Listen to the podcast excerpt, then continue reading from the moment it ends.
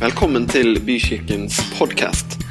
For mer informasjon om oss cvvvbykirken.no.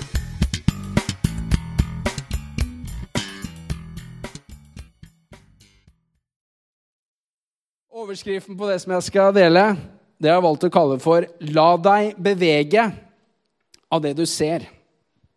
La deg bevege av det du ser. Jeg, starter i litt motsatt rekkefølge enn hva jeg vanligvis pleier når jeg holder en sånn type preken. Da liker jeg kanskje først å snakke om at vi trenger å på nytt la oss bevege av at han ser oss, og, og derfor så kan vi se andre. Jeg kommer dit. Det blir på en måte avslutningen. For hvis vi skal la oss bevege av det vi ser, og det vi ser, da skal vi snakke om mennesker, så er det utrolig viktig at vi sjæl blir beveget av at han ser oss. At han elsker oss. Det er fundamentet, og vi, vi kommer dit. Um, før jeg åpner Bibelen, så, så, er det sånn at uh, vi lever hovedsakelig, tror jeg Vi er ment å hovedsakelig som kristne leve fra innsiden og ut. Det ser man med Jesus. Og det er interessant å se hvordan veldig mange mennesker rundt Jesus de har på en måte hver sin agenda. Det er som om ulike mennesker kaster sin lasso rundt Jesus og trekker han i en eller annen teologisk retning, kanskje i en politisk retning. Der alle står liksom og, og drar litt i Jesus. Og hvis Jesus skulle gitt etter for på en måte alt det han så, så hadde det ikke blitt noe av frelsen. Ikke sant? Så du ser Jesus han, han, lever først og fremst fra innsiden og ut. Han sier at eh, sønnen kan ikke gjøre noe annet enn det han ser Faderen vise han. Og så forteller han om at eh, Den hellige ånd skal fylle oss, og beskriver det som noe som fra vårt indre skal strømme ut. Så, så vi er ment å leve fra, fra innsiden og ut. Og hvis vi ikke gjør det, så tror jeg vi ender opp med å prøve å på en måte bli alt for alle, og så blir vi ingenting for noen. Eh, og vi er ikke kalt til å være alt for alle, men vi er kalt til å være noe for noen. Eh, så vi lever fra innsiden og ut. Men en av måtene som din innside aktiveres på, det er ved at øynene dine kommer i berøring med noe som er på utsiden. Du skjønner, Det går an til å leve et liv der du ser noe der ute som treffer deg her inne. Du ser med Jesus i Matteus 14 og vers 14 så står det sånn her, og det her finner vi flere ganger i evangeliene. Så står det om Jesus at da Jesus gikk ut av båten, så han en stor folkeskare. Han fikk dyp medlidenhet med dem og helbredet deres syke. Så her ser vi at Jesus han ser noe der ute som treffer han her inne. Og så handler han på den medlidenheten som griper han ved å se mennesker der ute. Han, han ser noe, han blir beveget og gjør noe. Og på samme måte så kan også jeg og du leve sanne liv. Hvor vi ser noe, og vi blir bevega av det vi ser, og så kan vi handle på den medlidenheten, den kjærligheten som reiser seg opp i hjertet vårt for det vi ser. Og så kan vi se hva som skjer. Det er på en måte undertittelen min. La deg bevege av det du ser, og se hva som skjer. La deg bevege av det du ser. Og teksten min i dag det er apostlenes gjerninger 3, og vers 1-9. Jesus har dødd på korset. Gud har reist han opp ifra de døde. Han har satt seg ved Guds høyre hånd. Han har utøst Den hellige ånd og sender de første kristne ut, hvor de proklamerer de gode nyhetene om hva Jesus har gjort i mennesker. Og I kapittel 3 i apostlenes gjerninger så fins det et fantastisk møtepunkt mellom Peter og Johannes, Jesu disipler, og en person som de så, og de ble grepet av, av, det de så. Vi ser at det brakte en fantastisk forvandling inn i livet til en person.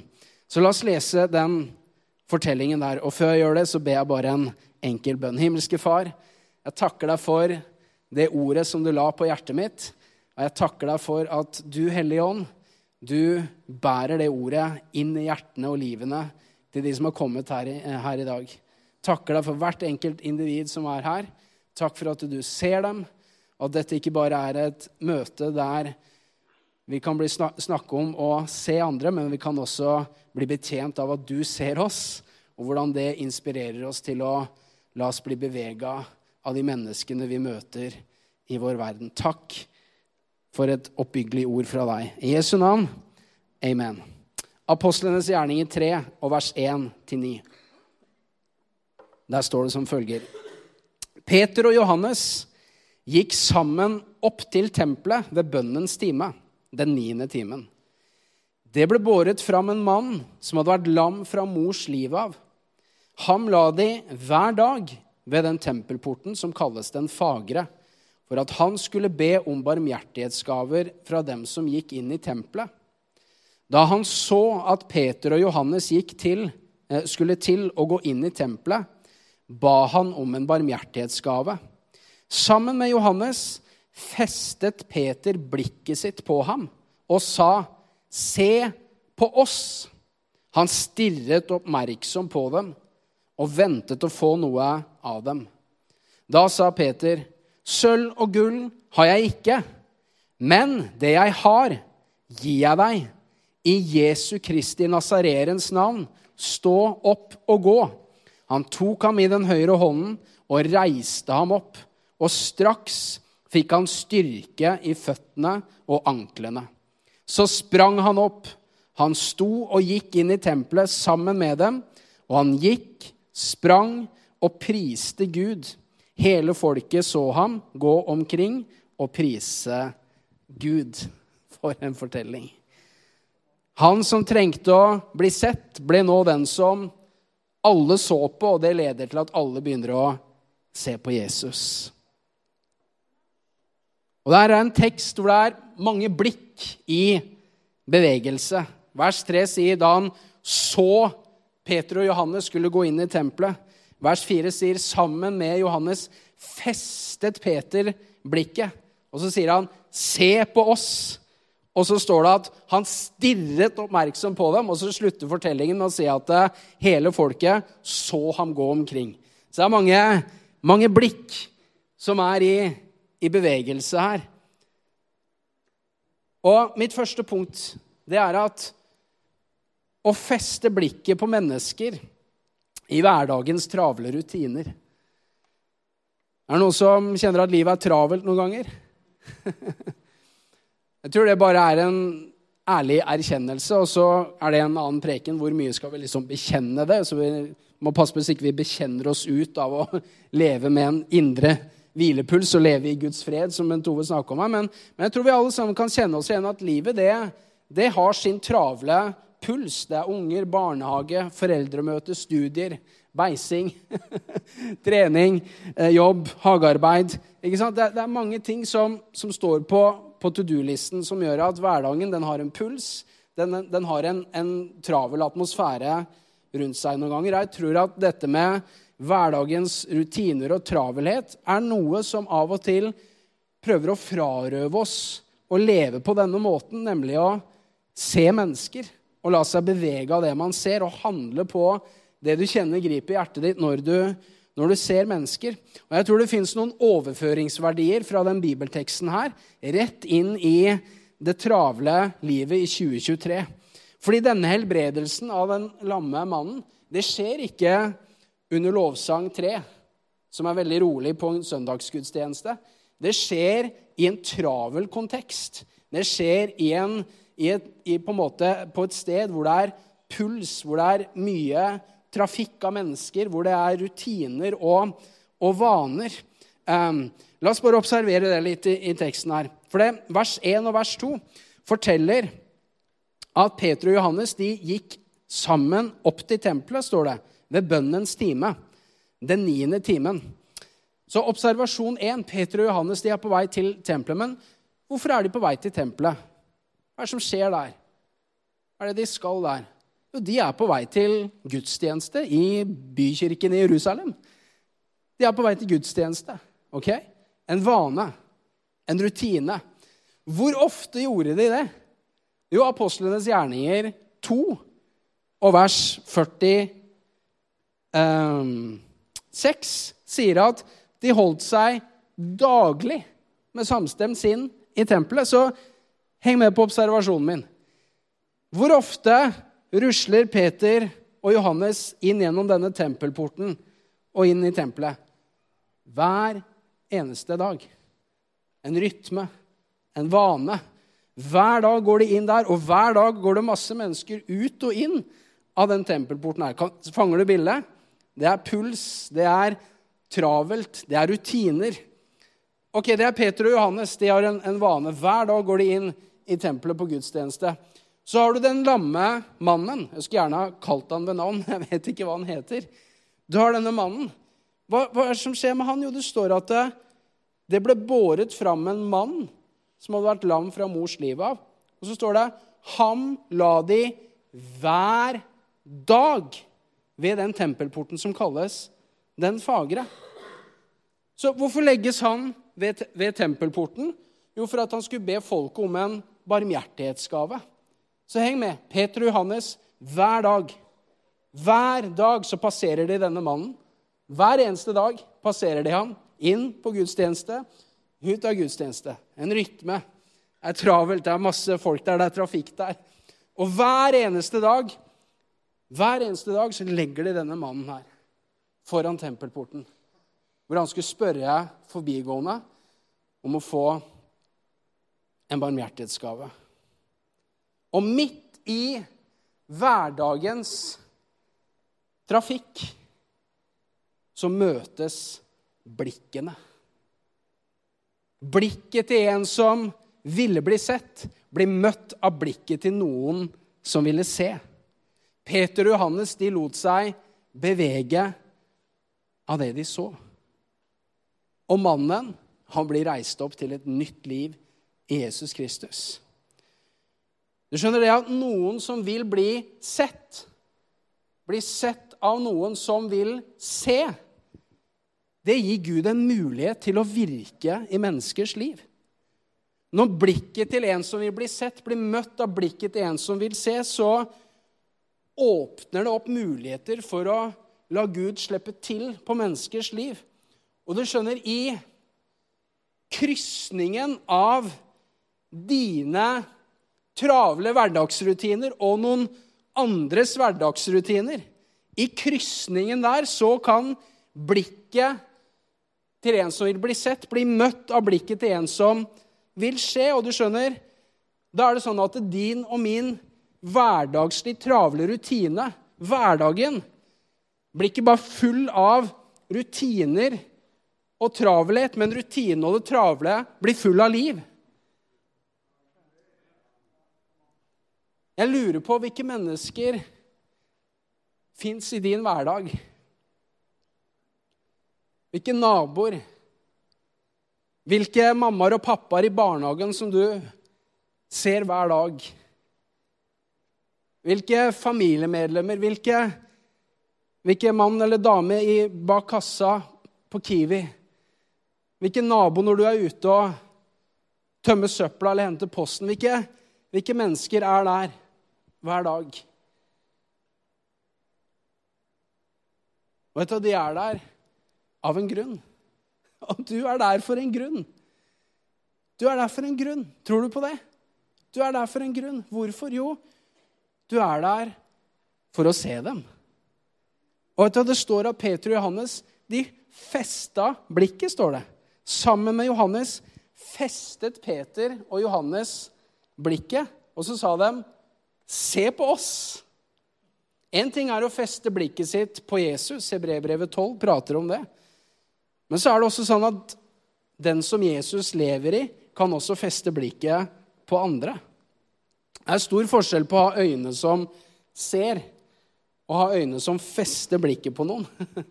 Og det er først når man fester blikket på noen, at man også kan bli bevega av det man ser. Det er kanskje et klassisk eksempel, men har du merka det hvis du på, går en tur i, i gågata eller noe, og så ser du noen som sitter der og kanskje tigger? Det er vanskelig å ikke la seg bevege hvis øynene dine fester seg på dem. En sikker måte å unngå å ta fram lommeboka det er å ta blikket ditt bort fra dem. Har du merka det? Hvorfor er det sånn? Jo, fordi det er noe med å se noe der ute som treffer oss her inne. Akkurat som Jesus, da han så folkemengden, så blir han grepet av inderlig medlidenhet. Og så handla han på den kjærligheten som reiste seg i hjertet, og så skjedde det ting. La deg bevege av det du ser, og se hva som skjer. Et ferskt vitnesbyrd på det her fra mitt eget liv. Det, er, jeg liker å preke sånn og dele fra mitt, mitt eget liv.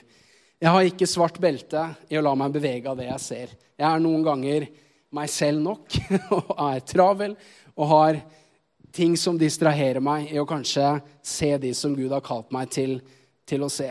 Jeg har også en hverdag og en rutine. Og en av mine rutiner gjennom en uke, det er fotballtreninger. Og det er fotballkamper. Noen flere foreldre som kjenner seg igjen? Det er mye av det. Men veit du hva?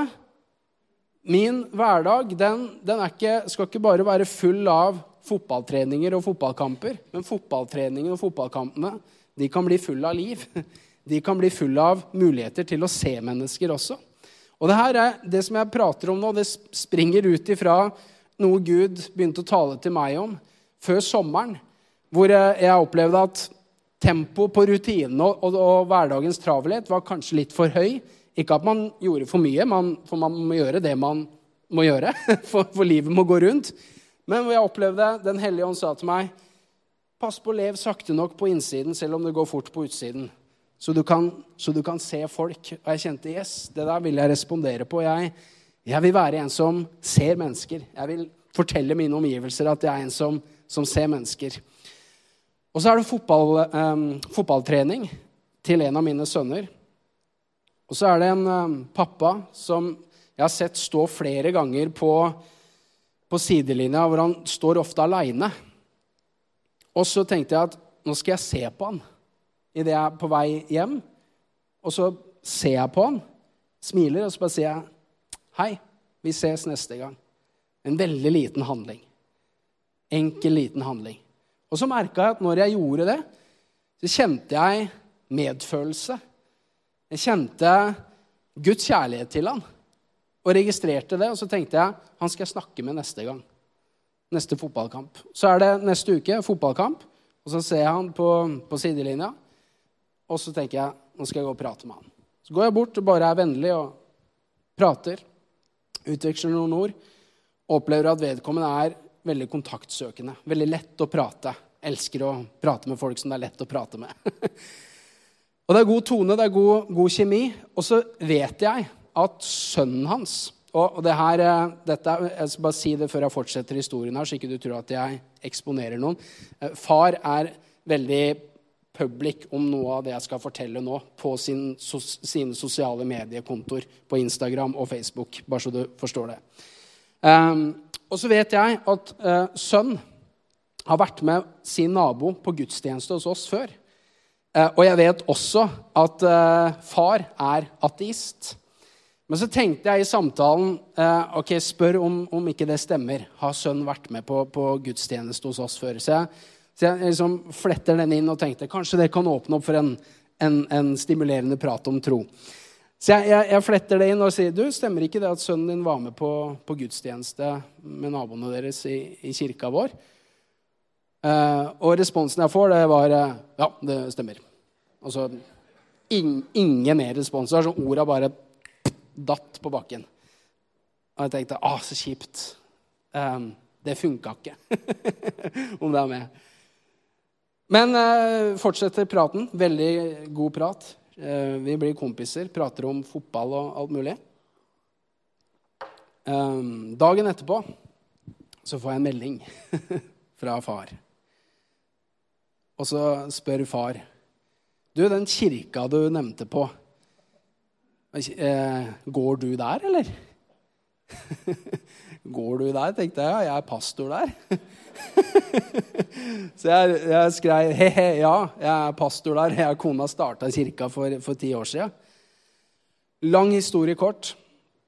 Sønnen hans eh, har begynt å søke Gud og har lånt en bibel av naboene sine som går i vår menighet. Har levert den tilbake, men vil veldig gjerne ha en bibel. Eh, lang historie kort. Eh, jeg prater masse med far.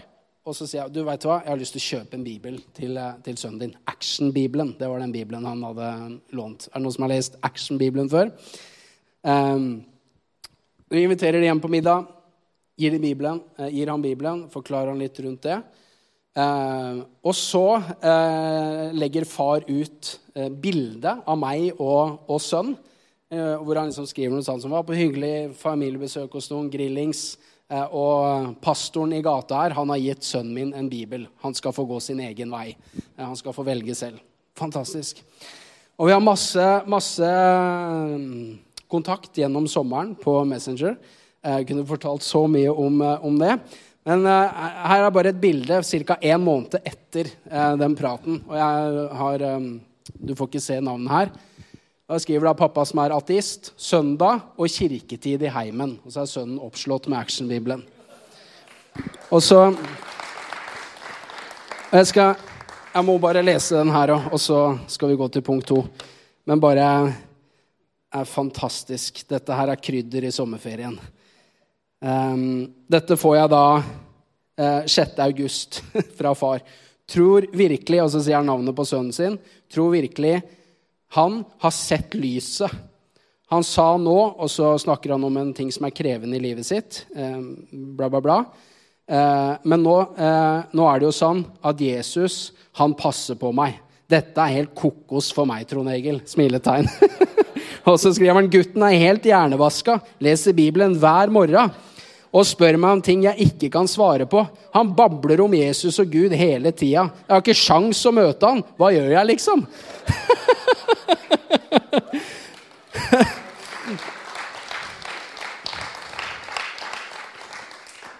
og vet du hva? Alt det starta med, det var at jeg festa blikket mitt på han.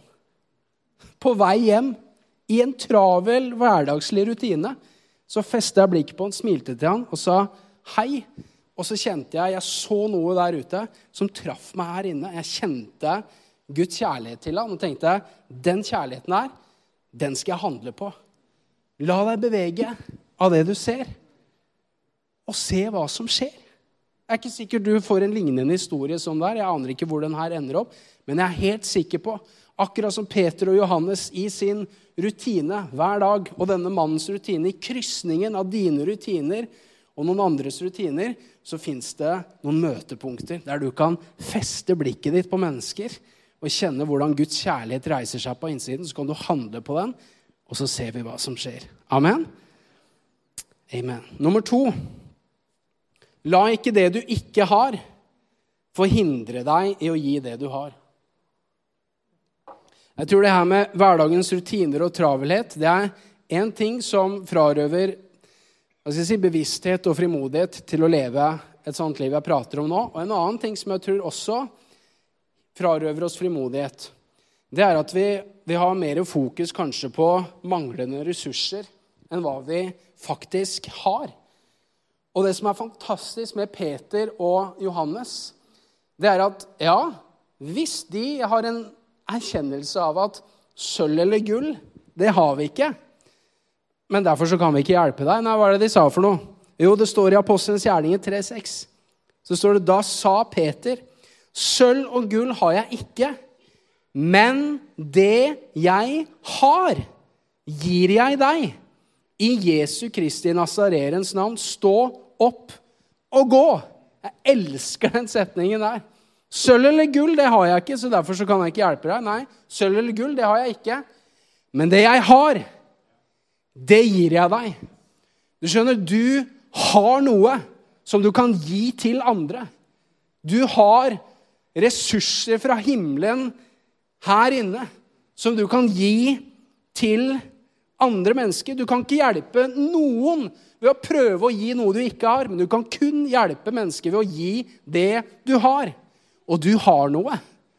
Du har noe. Ikke la det du ikke har, forhindre deg til å gi det du har. Men jeg tror så ofte så skjer nettopp det. Hvor vi tenker at å, her er behovene, og her er ressursene. Nei, jeg, jeg har ikke noe. Nei. Sølv eller gull, det har du ikke. Eller du har kanskje ikke det eller det, men det jeg har, det kan jeg gi deg. Og det er fantastisk å se i denne historien her. Det er som den lamme mannen. Han, han ligger her og skal ha barmhjertighetsgaver fra folk.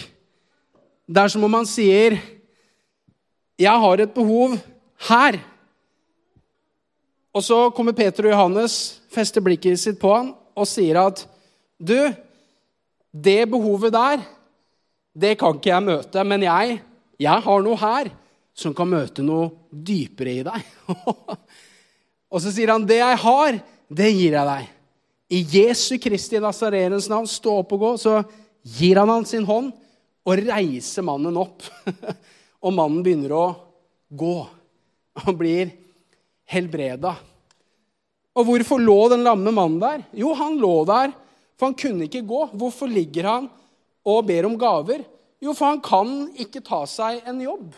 Han kan ikke jobbe og tjene penger. På den tida der så kunne du ikke det når du var helt lamma. Du var avhengig av andres gaver. Og Peter kan ikke gi han penger, men han kunne gi han noe annet.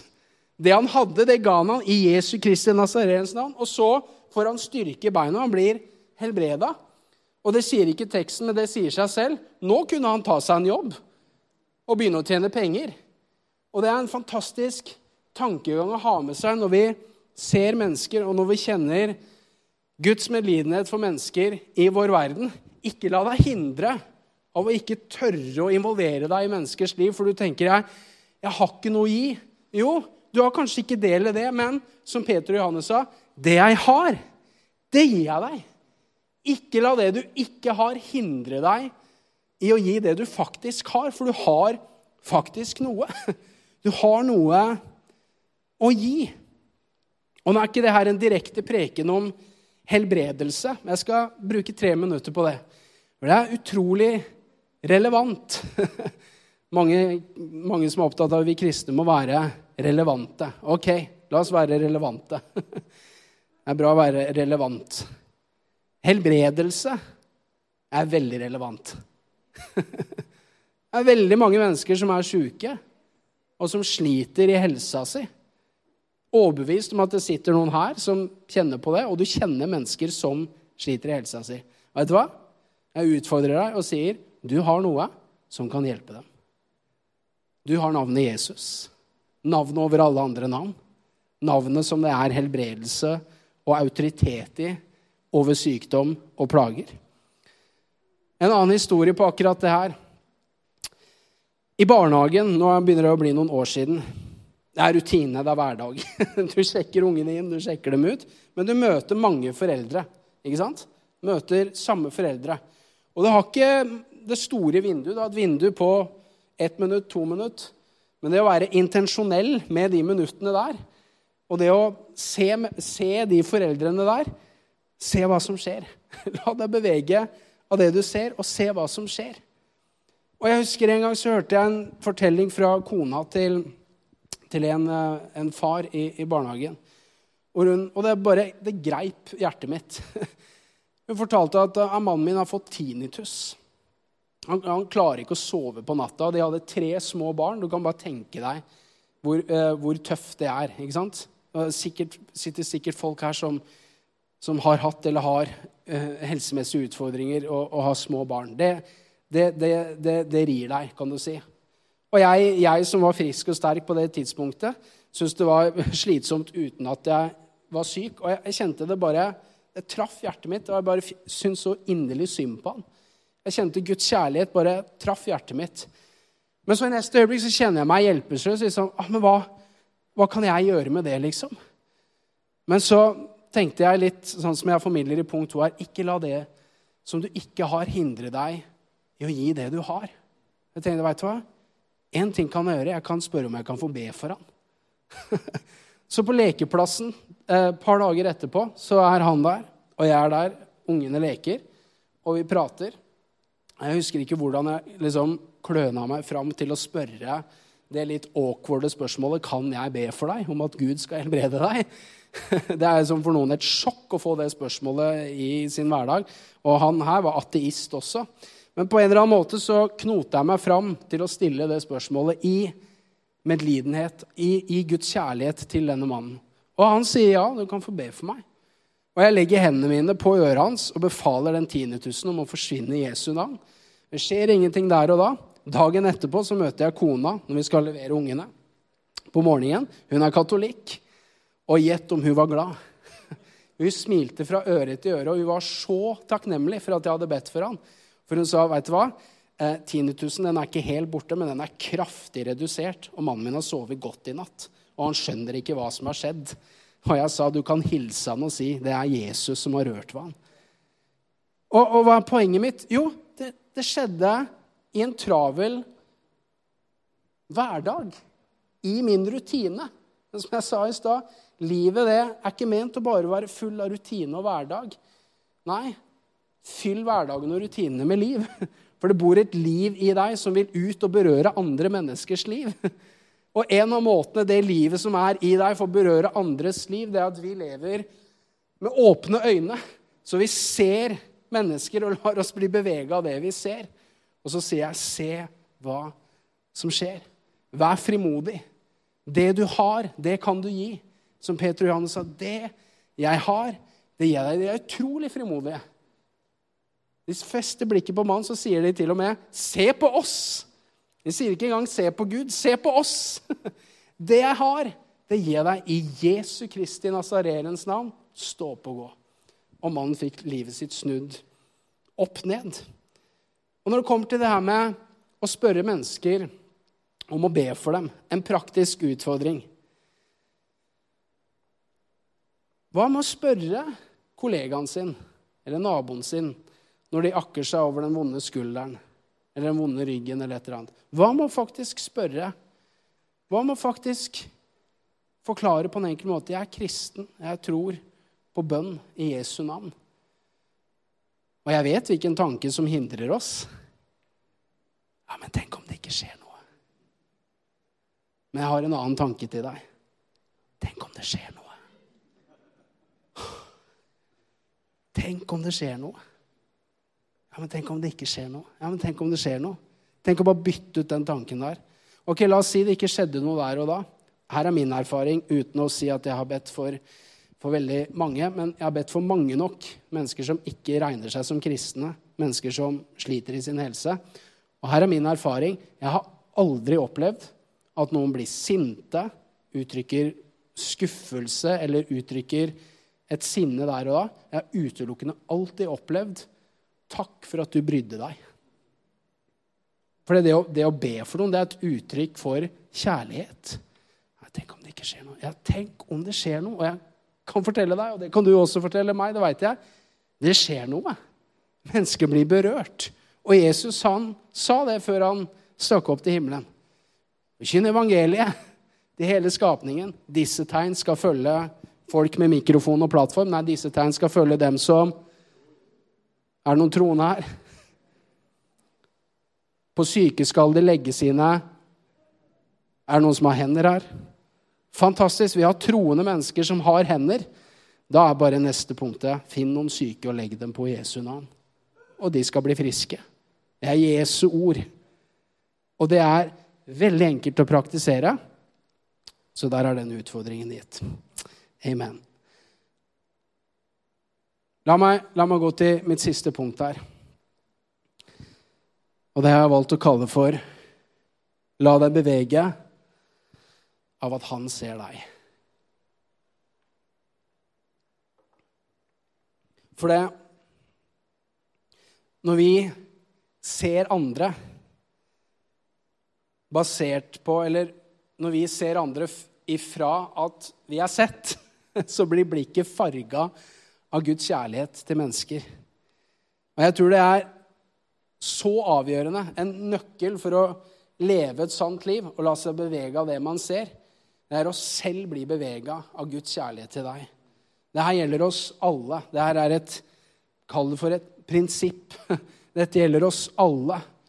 Om du føler du har runda gamet i Guds kjærlighet og tenker Johannes 3, 16 lærte det på søndagsskolen Been there, done that, got the T-shirt. Nei, Guds kjærlighet det er ikke A, B, C. Det er hele alfabetet.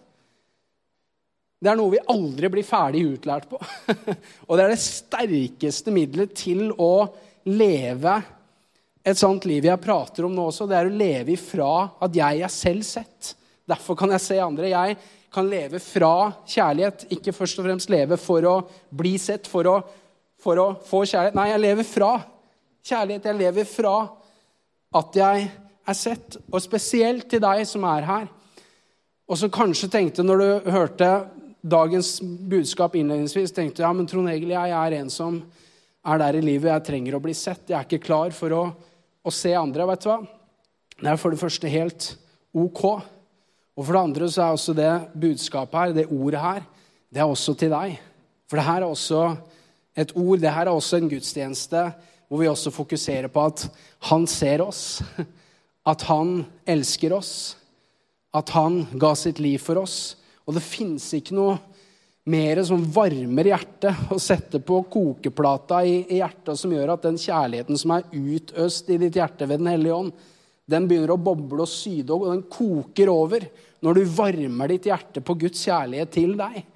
Og tror på den og fornyer deg i din tro på altså, det, er, det er vanskelig å la være å bli bevega av mennesker som ikke kjenner Guds kjærlighet, når du sjæl har blitt berørt av den. Det er vanskelig å la være.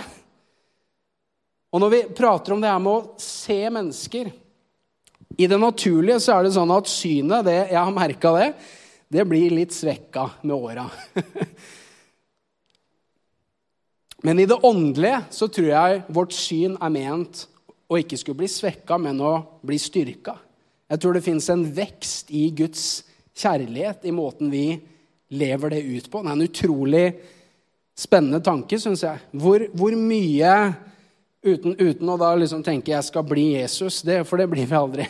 Men hvor mye kan Guds kjærlighet gjennomsyre min karakter, min væremåte, måten jeg møter andre på, måten jeg ser andre på?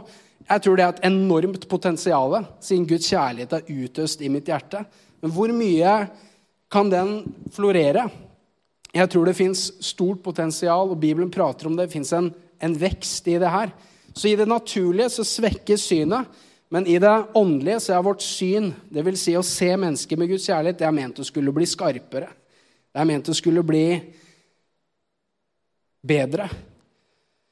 Og i det naturlige så fins det heldigvis hjelpemidler for et svakt syn. Det heter briller.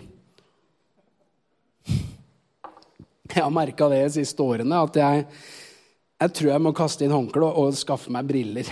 Faktisk så har jeg briller, men jeg har ikke begynt å bruke dem ennå. Det er, ikke, det er ikke, så dårlig, dårlig stelt med synet ennå, men det det er såpass. Og, uh, det her er ikke tull engang. Noen ganger så tar jeg meg selv, hvis jeg sitter og leser en bok med liten tekst, så prøver jeg altså å zoome ut sånn. Som jeg gjør på, på mobil og sånn. Det, det, går jo an på iPad og sånn. Og så nei, det går jo ikke. det hadde gjort virkeligheten mye enklere for mange av oss hvis det gikk an. Så jeg, jeg, jeg har liksom måttet kaste inn håndkleet. Jeg, jeg, trenger, jeg trenger briller. Det er greit. Men veit du hva? I det åndelige så fins det også briller. Briller det er noe som legges på deg, og som det er et optisk hjelpemiddel som gjør at du ser klarere. Og Gud, han har også briller. Guds kjærlighet det er som briller som legges på deg. Og Gud har helt spesielle briller han vil legge på deg. Jeg skal ikke tale de siste fem minuttene med de brillene her på bare ett minutt. Du skjønner, Gud vil at du skal se mennesker rundt deg, inkludert deg sjæl, gjennom sanne briller. Han vil at du skal se deg selv gjennom hans kjærlighet, se deg selv gjennom hans kors. Korset er på en måte rammen for Guds kjærlighet. Jesu død på korset, det er det absolutt mektigste uttrykket for hvor høyt Gud elsker oss. Og Jeg er så glad for at Bibelen den sier ikke bare at Gud elsker oss. Det tror jeg er viktig å huske på i en tid hvor mange prøver å på en måte fylle ordet kjærlighet med veldig mye. La meg rygge ut av det. Bibelen sier ikke bare at Gud elsker deg, men Bibelen definerer Guds kjærlighet til deg. Hør på det her. 1. Johannesbrev 4,10. Ta dette til deg. La det fornye din tro på Guds kjærlighet til deg. Og kjenn hvordan det å ta til seg det her, det er som om Gud legger briller på hjertets øyne, hvor du kan se deg selv og din verden gjennom Guds kjærlighet. La deg bevege av det på nytt. 1. Johannes 4,10 så står det sånn her. I dette er kjærligheten. Ikke at vi har elsket Gud, men at Han har elsket oss og sendt sin sønn til soning for våre synder. Og Legg merke til at når Bibelen skal si hva Guds kjærlighet er, så sier den først hva den ikke er. Mange ganger så sier Jesus det menneskesønnen har ikke kommet for dette, men for dette. Ikke sånn, men sånn. Og her sier Bibelen i dette er kjærligheten. Det er derfor jeg sier her er definisjonen. Her er hva Guds kjærlighet består av. Her er essensen av Guds kjærlighet til deg og meg. Her er nerven, her er hjerteslaget i Guds bankende kjærlighetshjerte for oss mennesker. Og da sier Guds ord Og det er ikke dette. Det er ikke at vi har elsket Gud. Og nå, nå, er det sånn at etter at vi har blitt berørt av hans kjærlighet, så elsker vi Gud. Men før det skjedde, så elsket ingen av oss Gud. Vi elska oss sjæl. Vi var syndere. Noen sa sånn her, Evangeliet det er at vi på den ene siden er mer syndere enn vi noen gang klarer selv å forstå. Men samtidig mer elska vi noen gang kunne drømme om.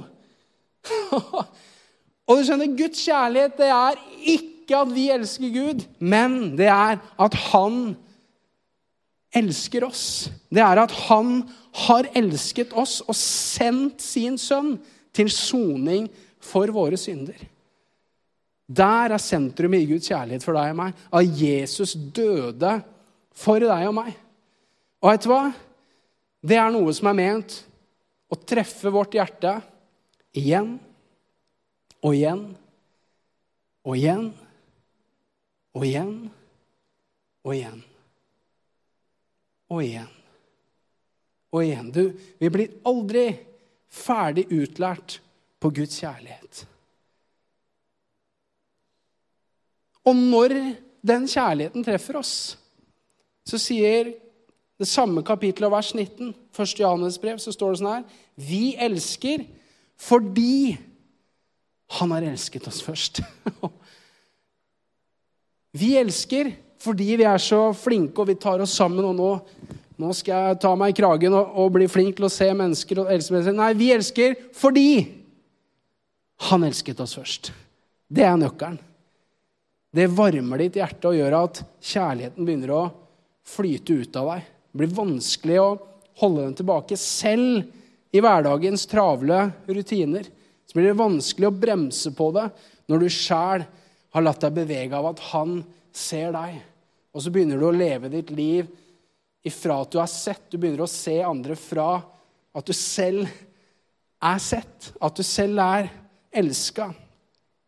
Og helt til slutt jeg, jeg, var litt usikker på om jeg skulle dele det her, men jeg, jeg, velger å gjøre det, for jeg tror noen trenger å høre det. Det er første gang jeg deler det sånn i en preken. Jeg har delt det med life-gruppa mi, altså smågruppa mi.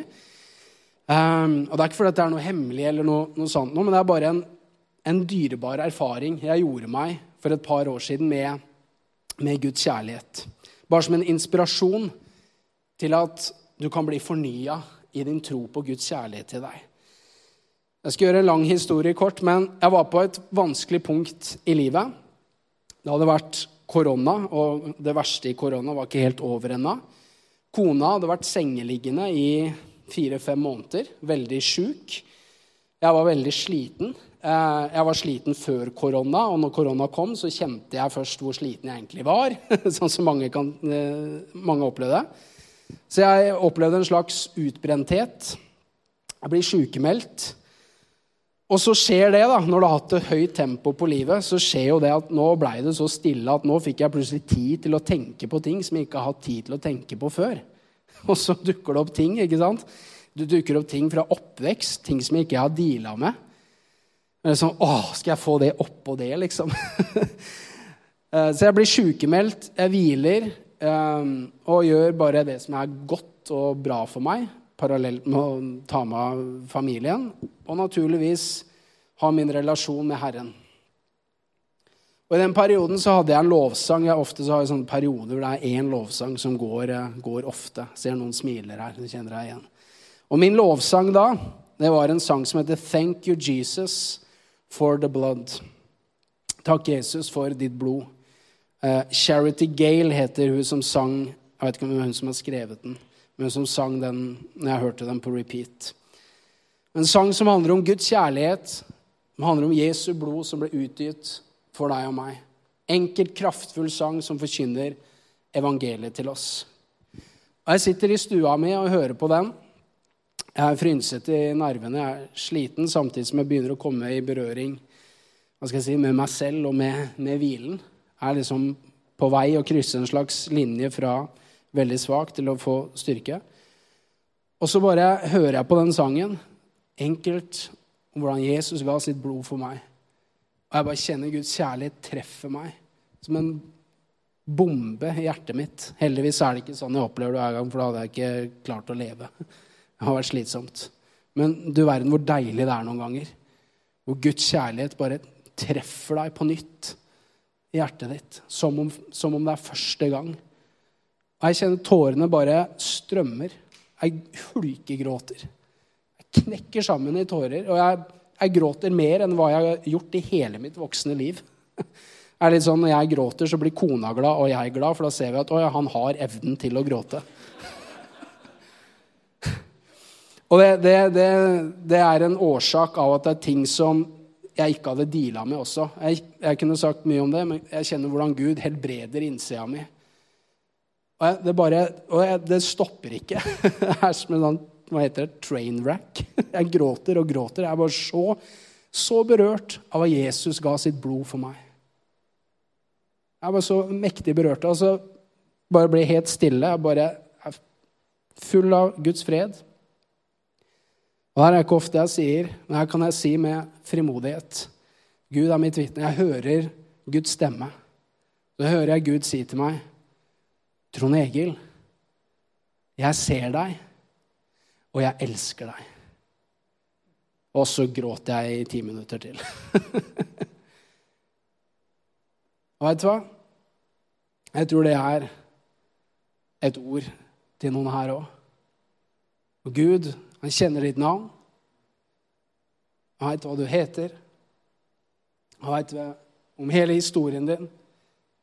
Han veit hva du står i, og han sier ditt navn. Og så sier han, 'Jeg ser deg.' Og så sier han, 'Jeg elsker deg'. Ja, hvordan kan jeg vite det? Jesu blod. Jesu død på, på, på korset. I dette er kjærligheten. Ikke at vi har elsket Gud, men han har elsket oss. Og som en del av budskapet. Jeg er ferdig å preke nå. Jeg var også litt usikker på det, men jeg velger å gjøre det. Ikke for å prøve å gjenskape det øyeblikket jeg hadde, men jeg tror Gud vil betjene deg med den sangen han betjente meg med. Jeg skal ikke synge 'Ta det med ro'. Jeg skal spille den av på YouTube. Eh, han som er medarbeider på storskjerm i dag, han, han, har gjort den klar. Det er på engelsk, det er tekst. Jeg håper det går greit for deg som ikke føler deg stødig på engelsk. Det er fire og et halvt minutt. Men jeg vil at eh, du bare lener deg tilbake. Du bare lytt til de ordene. Bare la deg betjene av dem. Særlig du som er på det punktet hvor du tenker 'jeg kan ikke se andre'. Jeg Vet hva? Glem det. Og så bare tenk på det at du er sett. Du er elska. Du kan til og med synge med. Det kommer tekst der.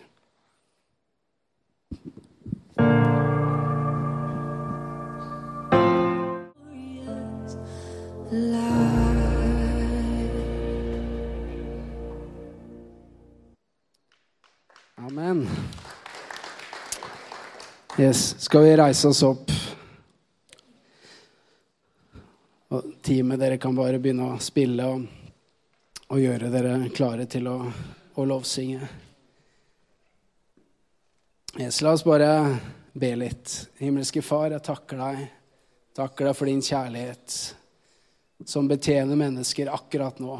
Takker deg for din kjærlighet i Jesus Kristus som leger sår på menneskers innside nå. Takker deg, far, for kanskje den ene som er her, og som eh, kjente at savnet etter å bli sett ble rippa opp når jeg snakka om å se mennesker. Men jeg takker deg, far, for at du sier til den, den ene, så sier du 'Jeg ser deg'. Jeg kjenner ditt navn. Jeg elsker deg. Og jeg takker deg for at det gjelder oss alle. Det gjelder hele bykirken. Takker deg, Herre, for at denne menigheten her er sett av deg. Og derfor så kan den se andre. Takker deg, far. I Jesu navn så ber jeg om frimodighet i menneskers hverdag. Ber om at du fyller hverdagen og rutinene og det travle. Fyller det med åpne øyne, som kan se mennesker basert på at de har sett av deg, Gud. Og som kan la seg bevege fordi de selv er beveget av din kjærlighet. Og du trenger ikke å være ferdig gjenoppretta, ferdig, helt ferdig helbreda for at du ikke har blitt sett som du kanskje skulle, bli, skulle ha blitt, før du kan begynne å se andre. Nei, det kan gå hånd i hånd. La deg elske han, la deg bli sett av han, og så lever du det livet der du også ser andre. Man blir bevega av det du ser. Så se hva som skjer. Se hvordan du kan være, nei, ikke en kilde, men du kan være en kanal en kanal for Guds kjærlighet til andre mennesker. Kan du få være med og se nye mennesker bli kjent med Jesus Kristus. Jeg takker deg, Herre. Takk for din kjærlighet. Takk for din kjærlighet. Takk for at du elsker oss, Herre. I Jesu navn. I Jesu navn. Jeg skal bare eh, helt til slutt eh, be en, en sånn kollektiv bønn. Jeg kjenner hjertet strekker seg også til deg som er plaga av sykdom og smerter i kroppen din. Jeg skal ikke kalle deg frem her, men jeg vil bare be en kollektiv bønn, bønn for deg. Jeg tror Gud skal røre ved deg. Ved Jesus sine sår har du fått legedom. Og vi har navnet over alle andre navn. Det er navnet Jesus. Jesus lever, han er en helbreder, og han helbreder menneskers kropper i den gudstjenesten her. Takker deg for at du Det strømmer kraft fra Jesu kors. Fra Jesus sine sår strømmer det kraft. Bare la deg betjene der du står. Bare strekk ut din hånd. Og bare ved enkel tro så sier du 'jeg tar imot det'. Og du som er i behov av helbredelse i kroppen din, bare legg hånda di på, på kroppen din som et, et trostegn. Bare gjør det Jesus sa. På syke skal det legge sine hender. Bare legg hånda di på kroppen din. Og så skal jeg bare be en kollektiv bønn her.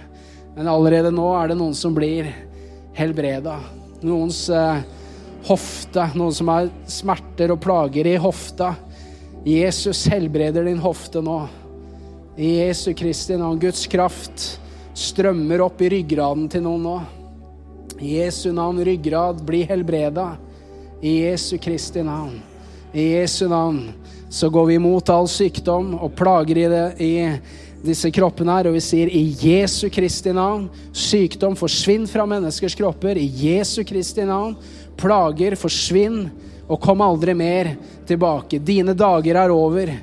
Kronisk sykdom, dine dager er over. I Jesu navn, vær helbreda fra dine plager. Yes, Bare la oss lovsynge, og så la oss bare betjene av Guds nærvær her og Guds kjærlighet. Kom igjen.